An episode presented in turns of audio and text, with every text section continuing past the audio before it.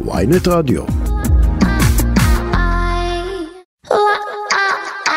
עכשיו בוויינט רדיו, כסף חדש עם דן רבן.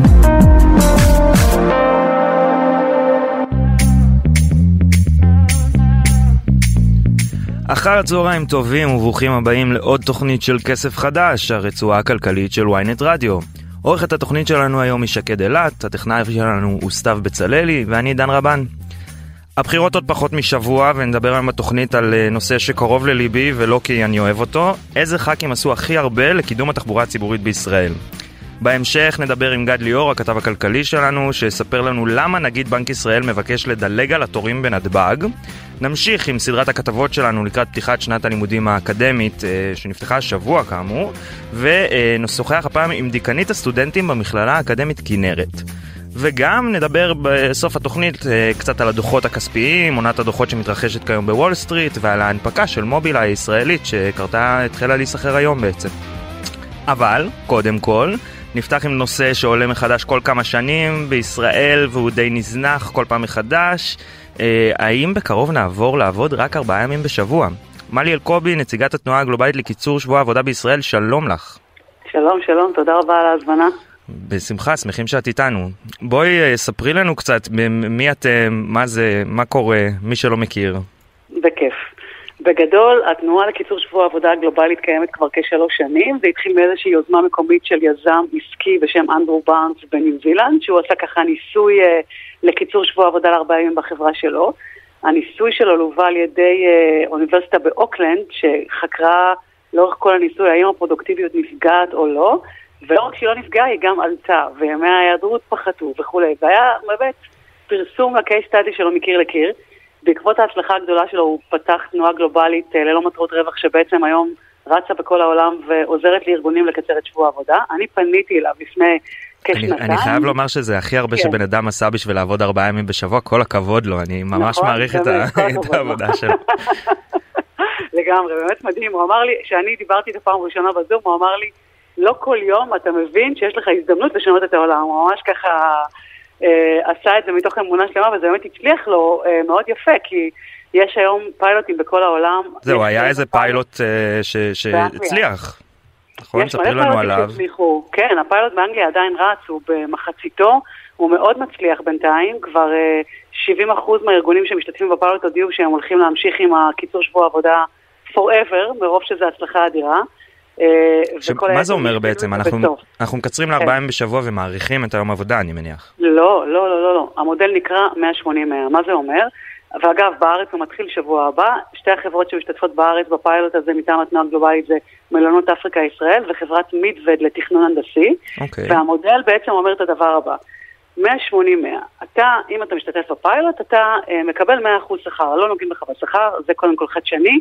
דבר שני, אתה בתמורה מתחייב לעמוד ביעדים שלך, זה המאה אחוז השני, ויורד ל-80 אחוז משרה.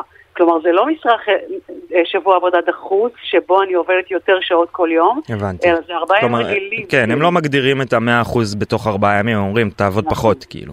נכון, נכון, נכון. אה, כשבא, השאלה היא בעצם רק התפוקה?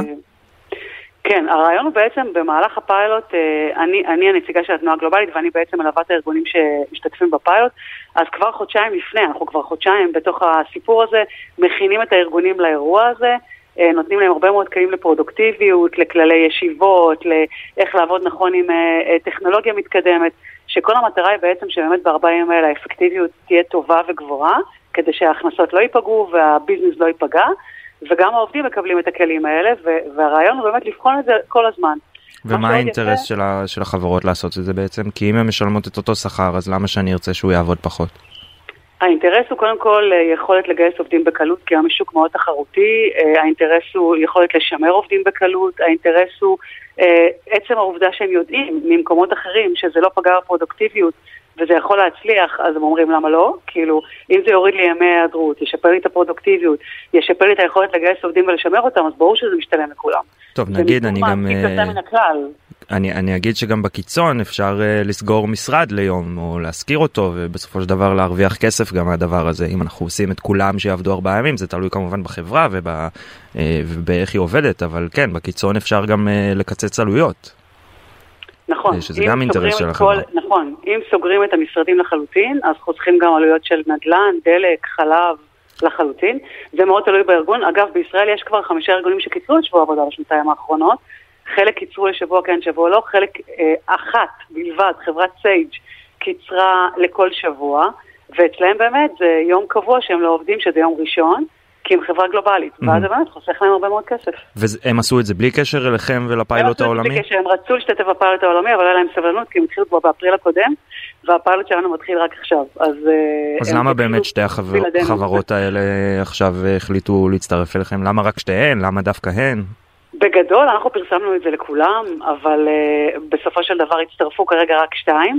הראשונה שהצטרפה זה מעונות אפריקה ישראל, ואז הצטרפה אליה גם מדווד.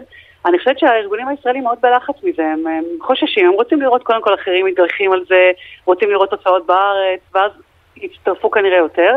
אנחנו פותחים פיילוט uh, במרץ הקרוב, uh, במרץ שנה הבאה, כאילו ברבעון הבא של uh, 2023 נוסף. יש לנו כבר מתעניינים. חברות mm-hmm. מדהימות, אני מאוד מקווה שהם יצטרפו. שמה, הרוב זה הייטק וכאלה, או שכאילו יש לא, גם חברות... לא, בכלל לא, הנה, אתה רואה, הפיילוט הנוכחי זה בכלל לא הייטק. כן. זה חברה תכנון בסיס של פרויקטים של נדל"ן, ואפריקה ישראל לתיירות. אה, ומי שקיצר עד עכשיו בארץ, יש ארבע הייטק ושניים לא הייטק. יש לנו בעצם שישה, יש לנו את ביטוח ישיר שקיצרו בקיץ האחרון את אה, קיצור שבוע העבודה רק בקיץ, והם לא הייטק, ויש לנו את שמיר אופטיקה שמקצרת כבר... אני חושבת קרוב לשנה, והם עושים את זה שבוע כן, שבוע לא, וזה לא... לכל החברה? לא, בשמיר אופטיקה זה פיילוט שמתקיים בקרב חלק מהעובדים, וביטוח ישיר זה גם, אני חושבת, למרבית העובדים. אני לא יכולה בוודאות להגיד לך שזה לכולם, אני חושבת למרביתם. תשמע, אני, אני, אני חייב להעלות אה, אה, שתי, שני חששות אה, מרכזיים שיש לי, ואת תסתרי אותם בבקשה.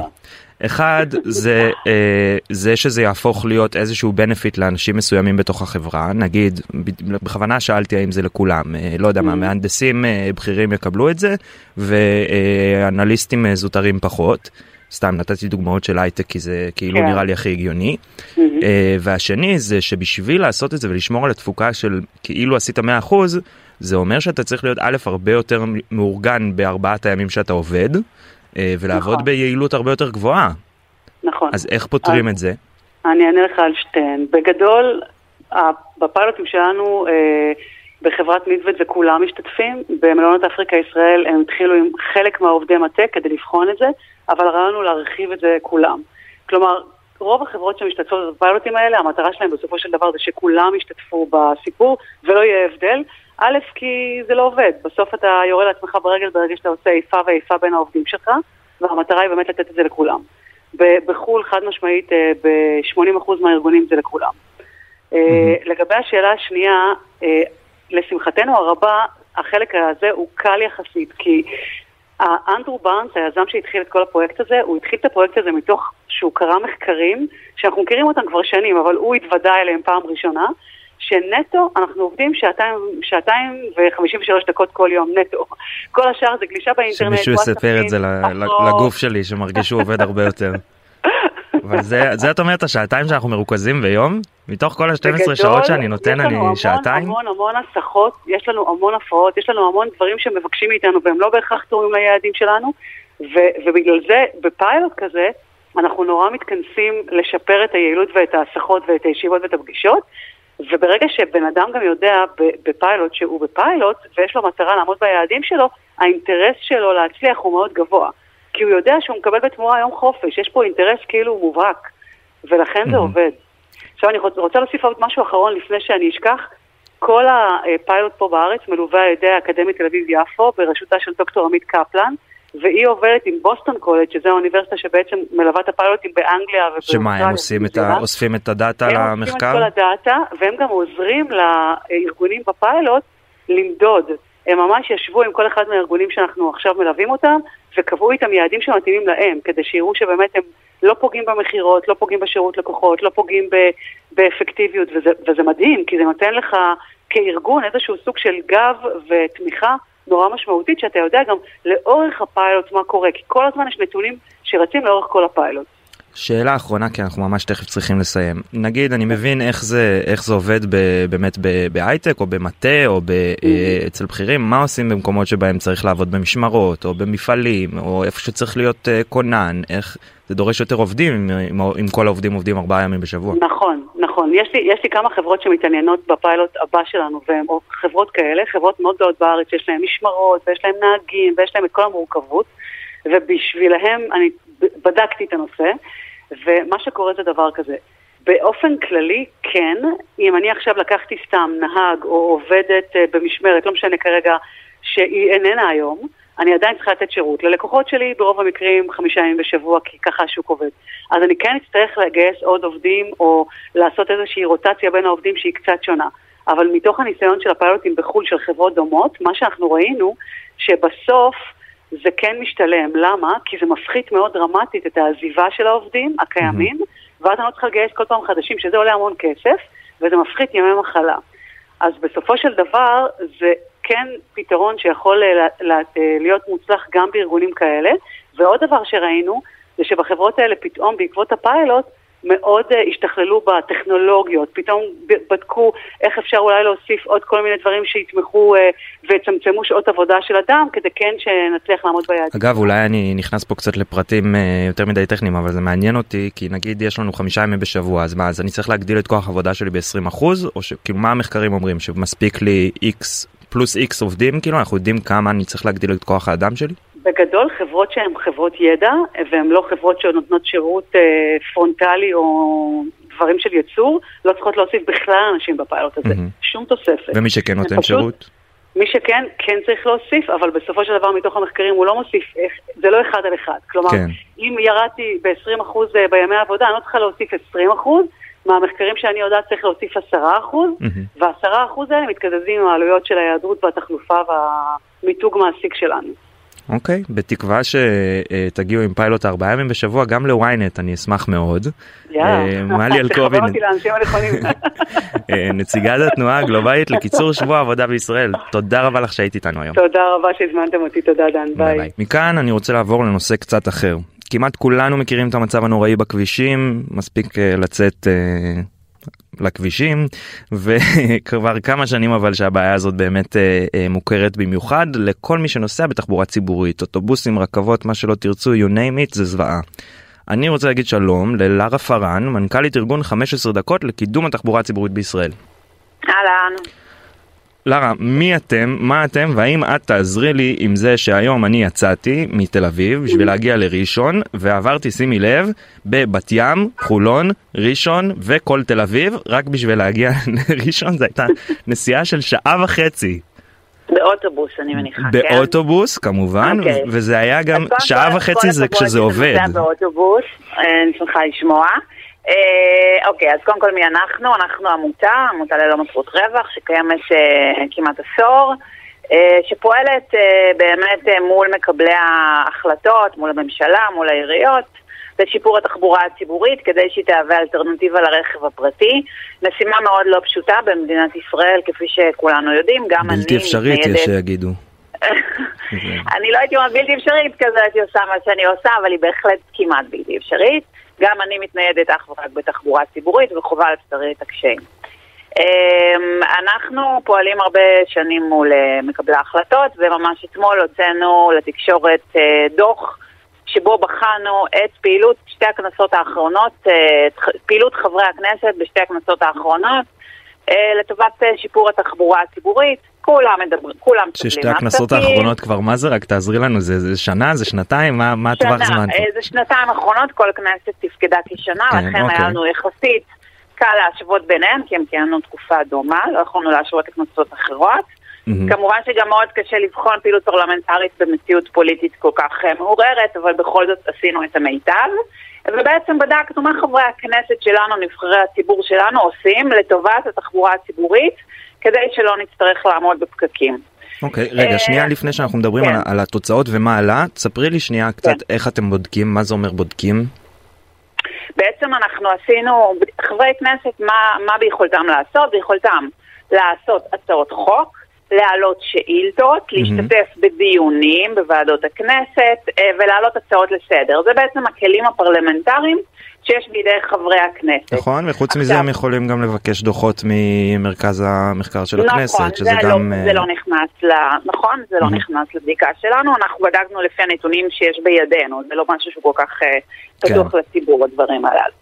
אה, עכשיו, אנחנו נתנו ניקוד, כאשר חברי כנסת העלו הצעות לסדר, שאילתות וכולי, שקשורות לקידום התחבורה הציבורית, הורדנו ניקוד כאשר או התנגדו להצעות לשיפור התחבורה הציבורית, או אה, אה, ניסו לקדם כבישים לרכב הפרטי, כיוון שאחד תמיד בא על חשבון שני. שאלה קצת אה, מעצבנת אולי, לא ניקדתם לפי איך הם מתניידים אה, ומה ה... לא, מה, הזמן איך- היה מאוד מאוד קצר, אה, גם בואו נודה על האמת, רובם אה, מתניידים ברכב פרטי, זה דבר, מעטים מאוד מתניידים בתחבורה ציבורית, כן, עד שמגיעה אה, תקופת בחירות ואז הם אה, מעלים אה, סרטונים ואז לטיקטוק. כולם פתאום מתניידים בתחבורה ציבורית כביכול. אבל לצערנו, לצערי אני יכולה לספור על כף היד אה, את חברי הכנסת אה, שמתניידים בתחבורה ציבורית, וזה באמת אחת מהבעיות המרכזיות, כאשר בן אדם לא חווה על בשרות בעיות, אה, הוא לא מחובר לנושא. כפי אז, שאתה בעצמך אז מי בעצם. מה עלה מה, מהדוח, מי, מי הח"כים שאנחנו אוהבים לתחבורה הציבורית ומי אה, אה, גרם לנו לנסוע היום שעה וחצי מראשון לתל אביב?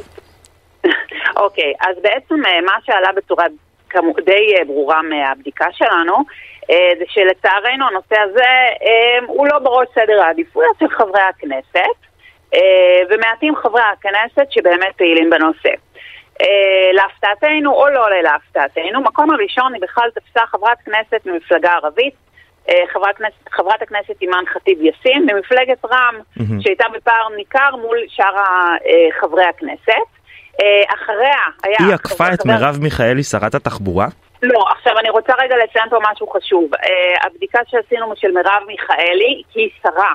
הייתה. מול מירי רגב, שהייתה גם שרה. אי אפשר להשוות בין פעילות של חבר כנסת לבין פעילות של, של שר, שזו האחריות המיניסטריאלית שלו, ולכן יש לנו פרק uh, בדוח שגם, uh, שהוא מתבסס על דוח של uh, בוחרים ירוק, שזה um, כל מיני ארגונים אחרים גם עזרו לנו לעשות את זה, שפועל רק את הפעילות המיניסטריאלית של השרות, אוקיי? אני שמה אוקיי. את מרב אז, מיכאלי אז בואי נדבר בצד. שנייה על הח"כים והח"כיות ואז הח"כים. אה, שרים. מה שעלה במקומות הראשונים, חברת כנסת מרע"מ, מקום שני, חבר שני חולקים ביחד, ינון, חבר הכנסת ינון אזולאי מש"ס, ועופר כסיף מחד"ש, ומקום שלישי, אלון טל מהמחנה הממלכתי.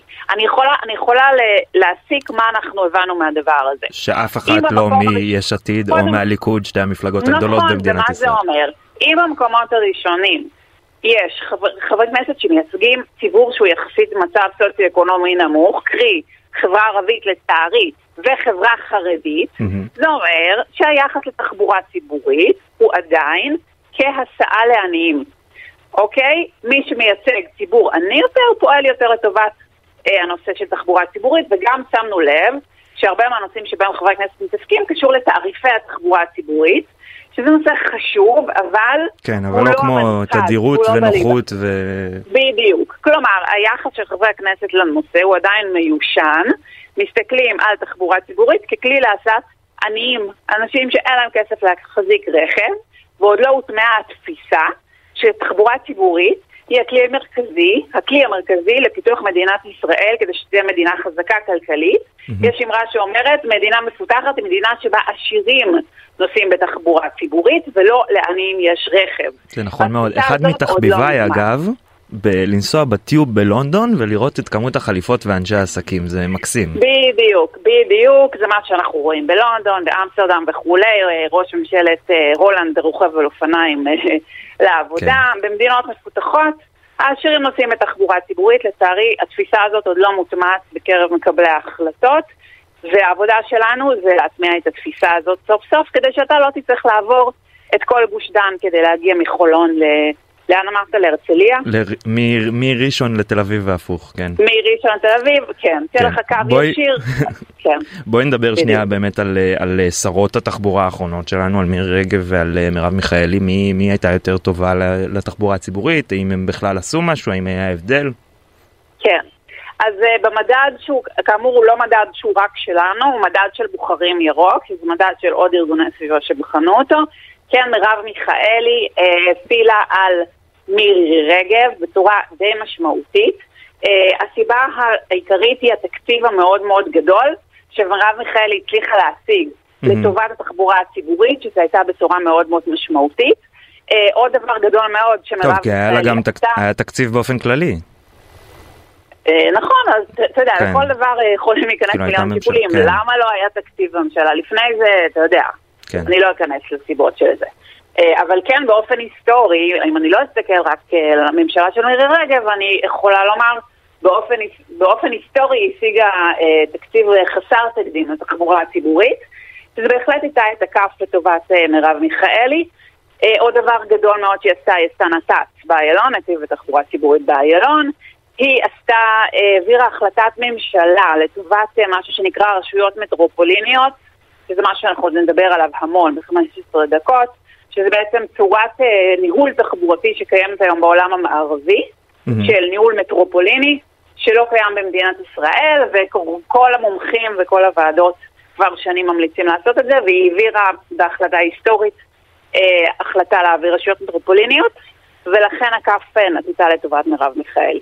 אוקיי, כל הכבוד למרב מיכאלי. אני, אני עדיין, אה, תרשי לי להיות ספקן, כי אני עדיין חי ביומיום, עולה על אוטובוסים, בתקווה שהם מגיעים. אגב, כן. מה, מה, עם ה, מה, מה הבעיות המרכזיות בתחום התחבורה הציבורית בישראל? יש לכם איזה מיפוי? בוודאי. יש הרבה מאוד בעיות. קודם כל, לדוגמה, הבעיה שאתה הזכר, בעיית התדירות, קשורה מאוד בשני דברים. אחד, מחסור בנהגים. בלי mm-hmm. נהגים, אי אפשר, אה, האוטובוס לא ייסע לבד. Uh, התנאי הנסיעה של הנהגים כיום גרועים ביותר, הם לא מושכים נהגים חדשים. אה, הם תמיד מדברים על השכר וכל מיני דברים מסוג כזה, שזה נכון, אבל זה לא רק זה, תנאי העבודה גם קשורים פשוט בתנאים הקשים מאוד שיש בכביש. כן. להיות נהג אוטובוס בגוש דן זה משימה כמעט בלתי אפשרית. בסדר, אבל זה גם קצת אה, ביצה ותרנגולת. צריכה נכון, נהגים בשביל להפחית את זה. נכון, זה מביא אותי לנקודה השנייה שהיא מאוד חשובה, שזה קשור לתשתיות תחבורה ציבורית. ככל שיש יותר נתיבי תחבורה ציבורית, ככה גם האוטובוס נוסע בלי פקקים והלו"ז שלו, היכולת שלו לעמוד בזמנים גדלה באופן משמעותי, mm-hmm. וגם קל יותר לגייס נהגים, כי הם לא צריכים להילחם על מקומם בכביש בצורה כל כך קשה. אז זה, זה לשני הדברים הכי הכי חשובים, שיפור תנאי הנהגים ועוד uh, נתיבי תחבורה ציבורית. אגב, את חושבת... וכאמור, הרשות המטרופולינית הזו שדיברתי עליה, אבל זה נושא טיפה סבוך, אבל זה מאוד מאוד גם כן חשוב. אנחנו ממש אה, צריכים לסיים אז אני רק אשאל אותך שאלה אחרונה את חושבת שאנחנו בדרך לאיזשהו שינוי כי אני גר במקום שמסביבו כל היום חופרים uh, תחבורה ציבורית ולא יודע מה רכבות ומטרו כן. ותחתית ועילית וזה יש לנו למה לחכות? תראה, יש אה, שינוי במגמה, החפירות האלה שמאוד מקשות על החיים של כולנו הם כן בסופו של דבר לטובת עתיד טוב יותר, אבל יש עוד דברים שאפשר לעשות בטווח הזמן המיידי, כמו לשפר את תנאי הנהגים, לסלול נתיבי תחבורה ציבורית, שיכולים בטווח זמן הרבה יותר קצר לשפר את התחבורה הציבורית, ולשם אנחנו צריכים לשאוף בכנסת הבאה ובממשלה הבאה. אני אגיד לך, הדבר היחיד שאני באמת באמת חושש ממנו, זה שאנחנו, לא יודע מה, עשור אה, חופרים את הדבר הזה בכל גוש דן, ובסופו של דבר זה יעבוד קצת כמו רכבת ישראל, זה יגיע פעם בחצי שעה, זה יהיה מאוד לא נגיש ווואטאבר. יש איזושהי, יש לכם קשר ביומיום עם איך שבונים את זה, עם התדירות, עם אה, מתייעצים? כן, יש לנו כמובן קשר ישיר אליהם, אנחנו מאוד לוחצים שהתדירות תהיה גבוהה, יש לנו גם כן, אנחנו חולקים איתך את החשש הזה. Mm-hmm. התדירות בעצם נקבעה מזמן, מאז האוכלוסייה אה, גדלה בהרבה ואנחנו פוחדים שזה לא יעמוד בביקושים. אנחנו מקווים ש... ולוחצים שיוסיפו תדירויות, וגם כמובן שזה יפעל גם בשבת. אוקיי, okay. טוב, בתקווה לעתיד טוב יותר בכבישים. לארה פארן, מנכ"לית ארגון 15 דקות לקידום התחבורה הציבורית בישראל, תודה לך שהיית איתנו היום. תודה לך, ביי ביי. ביי. אני רוצה להגיד שלום לכתב הכלכלי של ynet ושל ידיעות אחרונות, גד ליאור. שלום רב. אתה מספר לנו היום שרשות שדות התעופה דחתה בקשה ממחלקת הביטחון של בנק ישראל מי ידע שיש דבר כזה, אה, לאפשר לפרופסור אמיר ירון להימנע מהליך היציאה מישראל בתוך הטרמינל. הוא רוצה לעקוף תורים בנתב"ג. על מי ולמה וכמה? עליו, כך אומרים בבנק ישראל, איומים. הוא הוכרז על ידי המשטרה כאדם שצריך להגן עליו, כאדם מאוים, אגב, נאמר פה למה, בגלל בעיקר מאגר נתוני האשראי שהוקם בבנק ישראל ביוזמת בנק ישראל וביוזמת הנגיד, שבעצם מונע מכל מיני אנשים לקבל הלוואה, כי אם הם לא יחזירו לפני חמש שנים הלוואה, אז כנראה בנק אחר לא ייתן להם הלוואה, ובגלל העלאות הריבית שגרמו לכמה וכמה אנשים אה, קשיים מרובים, אנחנו יודעים על האוברדרפט, על המשכנתאות וכולי, ושלחו לו כל מיני הודעות, ניסו לאיים כנראה, לא איימו חס וחלילה ברצח, אבל אמרו לו, הרסת לי את החיים, גמרת לי את החשבון, גמר... אני לא גומר את החודש בגללך וכך הלאה. אוקיי, מה זה קשור לתור בנתב"ג? אני, אני, סלח לי, אבל אני לא כזה מאמין. כאילו, מאוד קשה לפגוע במישהו בנתב"ג, גם אם הוא לא נגיד בנק ישראל. אז הוא נגיד בנק ישראל, נוסע עם מאבטח, למה הוא צריך לעקוף את התור? מה, מה קרה? כן, לא, אני חושב שאין לו מאבטח בתוך הטרמינל, אבל אה, אולי אה, אם הוא שם לבד, הוא חושש שמישהו יתקוף אותו. על כל פנים, הבקשה הזאת לא אושרה. לעומת זאת, אושרה בקשה אחרת, שהוא יוכל במקרה שהוא מרגיש בסכנה, לנסוע בנתיבים של התחבורה הציבורית, זאת אומרת לפרוש מהנתיבים הרגילים ולנסוע בנתיבים הללו כדי, נקרא לזה כך, להימלט מאלה שרוצים את רעתו. זה לא עכשיו, רק... יש לו, יש לו הבטחה עכשיו ביום-יום, זאת אומרת, אה, לא, הוא לא נוסע באותן דרכים, כמו מי שמובטח, לא נוסע כל יום באותן דרכים כדי שלא ידעו בדיוק את המסלול שלו, ויש לו מאבטחים וכך הלאה. ובעצם אנחנו, הוא, הוא לא יכול לנסוע בנתיבי תחבורה ציבורית ברגיל, נכון? זה רק אם הוא מרגיש אה, סכנה לא, ולצרכים לך אה, מותר, לי מותר, התשובה לא, אסור לנו, בשעות לא. אני אומר, האישור הזה לא נותן לו אישור לנסוע על תחבורה ציבורית באופן כללי, רק ברגעים שבהם הוא מרגיש סכנה. נכון. אבל אה, אתה יודע שקשה, אני לא אומר שהוא עושה את זה, אבל קשה מאוד לבקר מה השוטר יבדוק, אה, הנה המכונית הזאת של הנגיד, האם בדיוק איימו עליו או לא, זה, אמירה. כן. אז אה, כן, אם הוא אדם ישר, אז הוא לא ייסע סתם כך, אני מקווה שזה כך, ובכל אופן יש לו את הרשות לנסוע בנתיבים האלה. אגב, זה הכל על דעת המשטרה?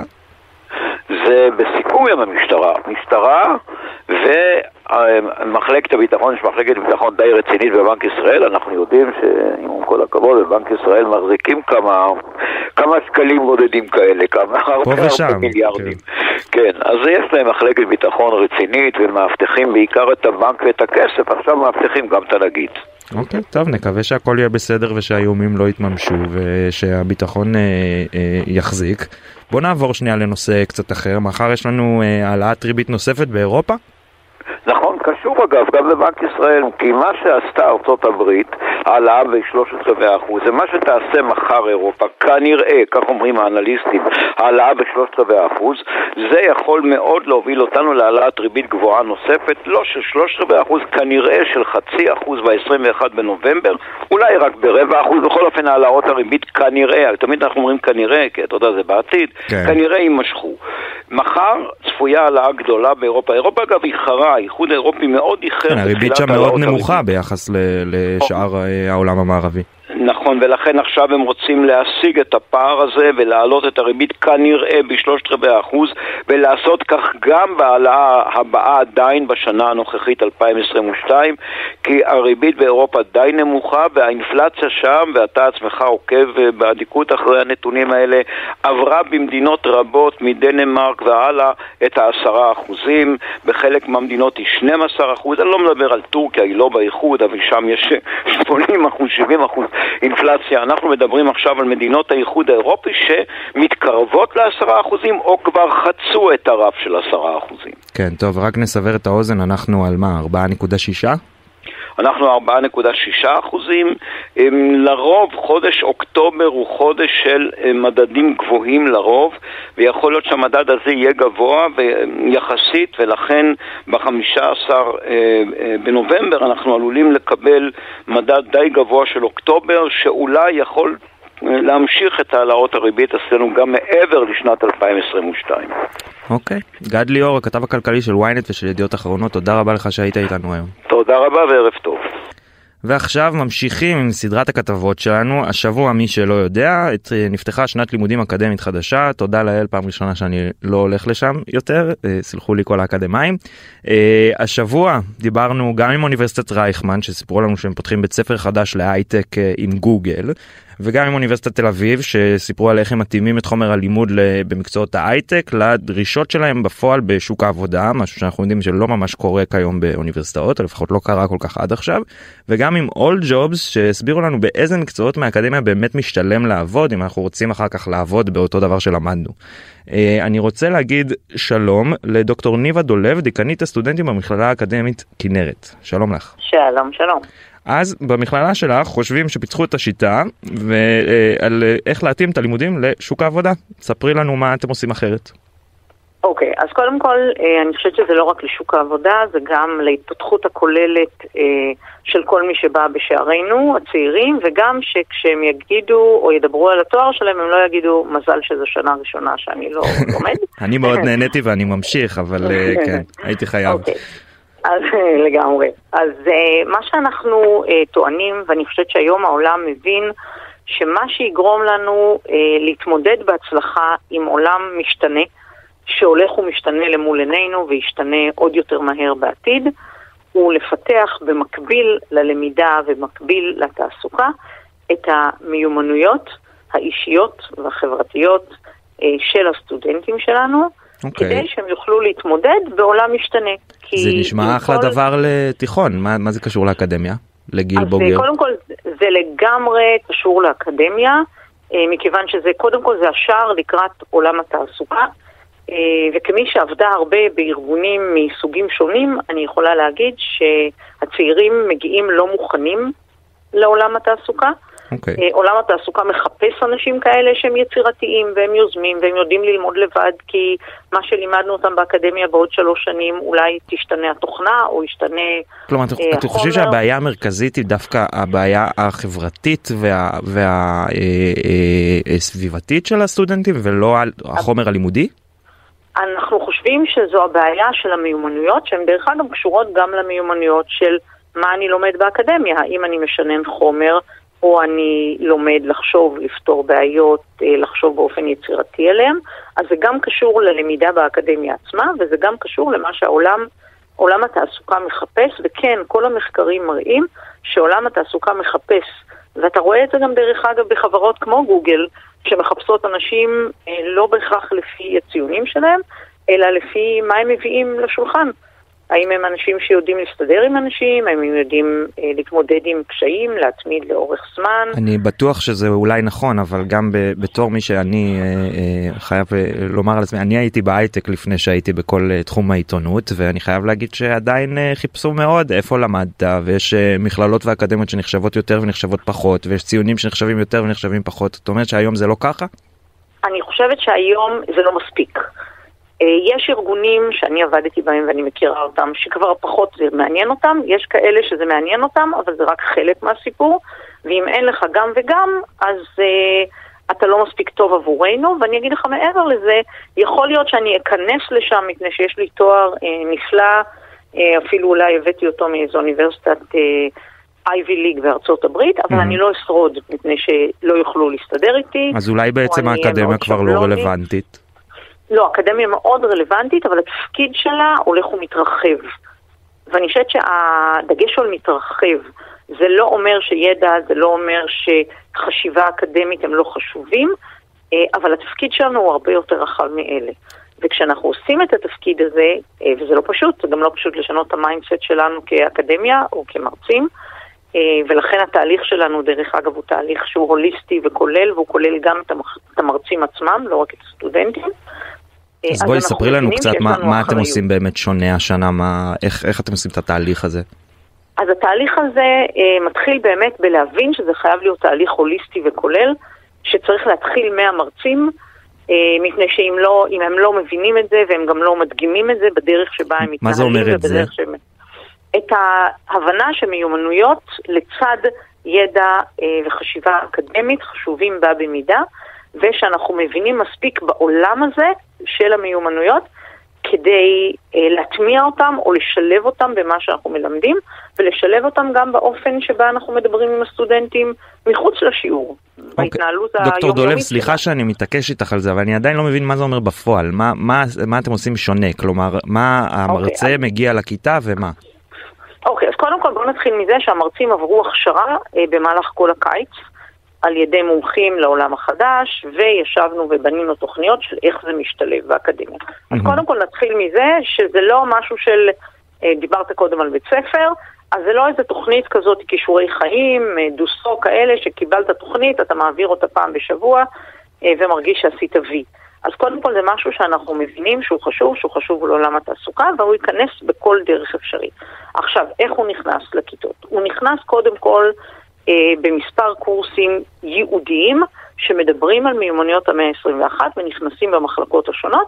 קורס אקדמי, אבל לא אקדמי, הרבה יותר סדנאי, פיתוחי, התפתחות כלומר, את אומרת, אחד מה, מהשינויים הגדולים הזה זה עוד קורס חובה לסטודנטים.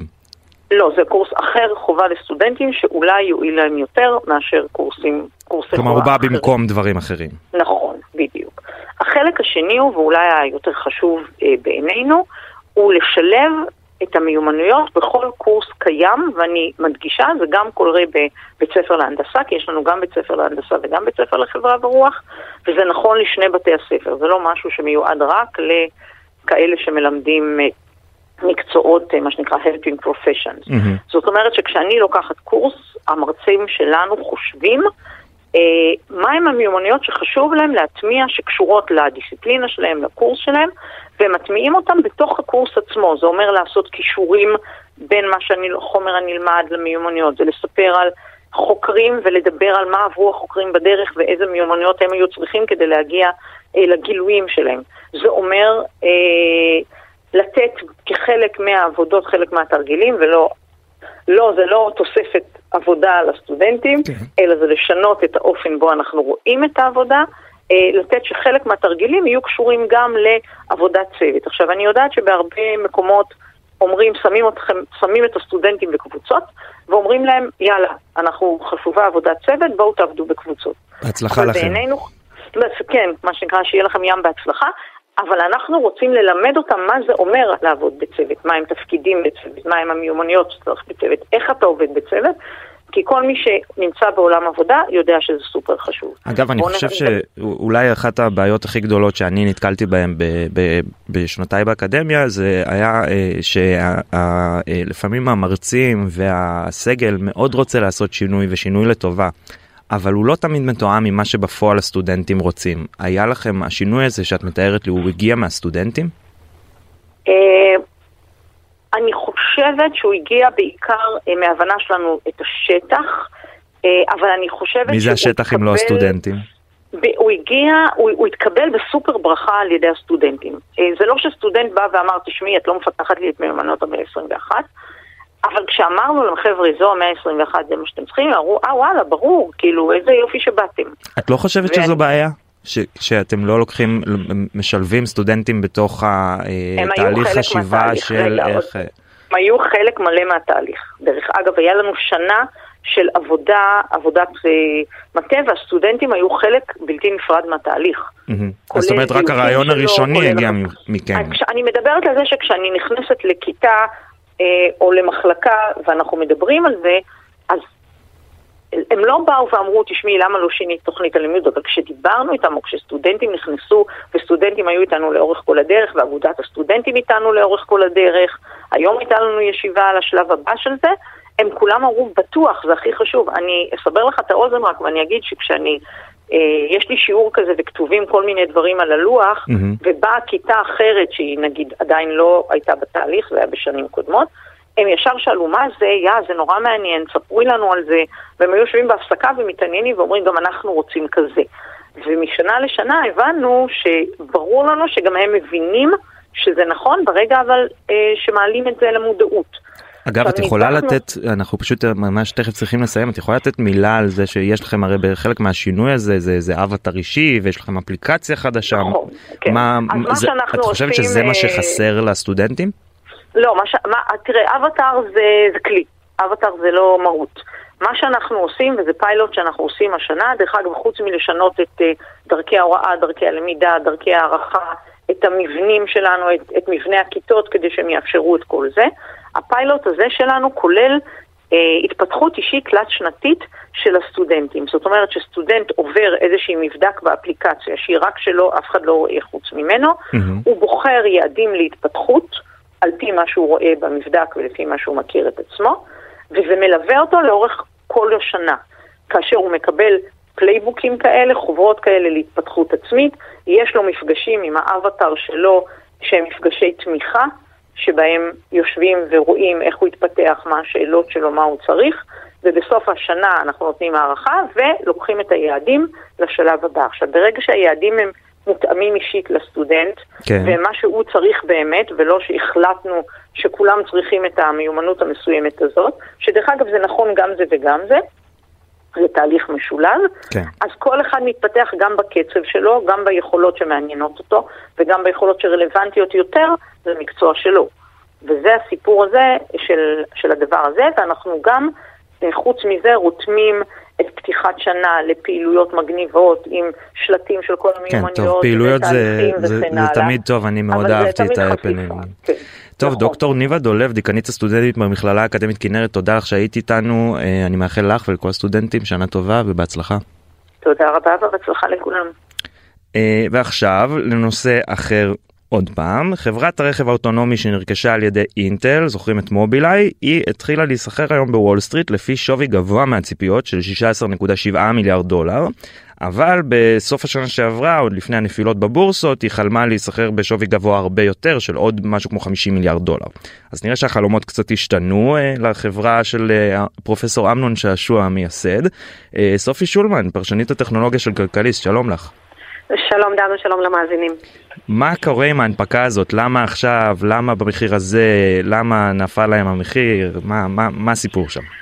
או, זה מורכב, אז סיפור באמת, לכאורה... מורכב זה אנחנו, מדברים... סופי. אז לכאורה אנחנו מדברים באמת על ההנפקה הישראלית הכי גדולה במונחי שווי שוק, אה, יותר מ-16 מיליארד דולר, זו גם אחת ההנפקות הכי גדולות בוול סטריט מתחילת השנה, וכנראה כבר גם עד סופה, אבל מצד שני, מדובר באכזבה, כי גם זה בערך השווי שאותו שילמה אינטל עבור מובילאיי לפני חמש שנים, ומאז ההכנסות של אינטל אה, קפצו פי שבעה, היא חברה רווחית, אז לכאורה, באמת, בוא נגיד, אני לא כל כך האמנתי בחלום של 50 מיליארד, אבל נגיד 30, אה, 20, זה באמת היה מיליארד דולר, כן? בוא, בואי נחזור שנייה ש... צעד אחורה בשביל המאזינים שלנו, בכל זאת כן. אה, אה, נסביר שנייה, מה, מה זה אומר שהם עכשיו מנפיקים? כלומר, הם הופכים את החברה לציבורית, מי זה הם? למה? מה האינטרס? אז כאן יש בעצם שני אינטרסים, יש את האינטרס של אינטל ויש את האינטרס של מובילאיי. אינטל בעצם בצרות, נוצר איזשהו פיגור טכנולוגי מאוד משמעותי בשנים האחרונות אה, והמניה שלה נפלה והיא מחפשת איך בעצם לשנות, יש מנכ"ל חדש יחסית, הוא עושה שם כל מיני מהפכות כדי אה, שהמשקיעים יחזרו למניה ואחת הדרכים מבחינתו הייתה להגיד, אה, תראו, לא ידעתם, אבל יש בתוך אינטל איזה חתיכה אה, סופר שווה עוד של אה, פעילות, והיא שווה עוד 50 מיליארד דולר, ש...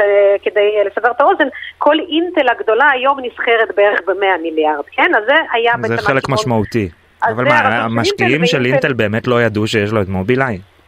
אז uh, הם חשבו שזה לא מספיק uh, מודגש, ומהצד השני יש את אמנון שעשוע ואת מובילאיי, שאומרים, אנחנו כאלה צומחים והחברה כזו מוצלחת, אבל בסדרי גודל של אינטל הם, לא, הם, הם נורא קטנים, כן? אינטל כן. סדר גודל של ההכנסות שלה השנתיות זה 70 מיליארד דולר, ומובילאיי עם כל הצמיחה שלה היא השנה תעבור את המיליארד דולר. אז אף אחד לא באמת שם לב אליהם, ולמובילאיי יש תחרות מאוד מאוד קשה בתחום הרכב האוטונומי, יש את גוגל, יש את אמזון, יש את כל הענקיות. כן, למרות שהם אה, עם, עם טסלה, טסלה משתמשת בטכנולוגיה שלהם, לא? יש להם איזה כל מיני שיתופי פעולה. יש הסכמים, אבל זה עוד לא בדיוק ה...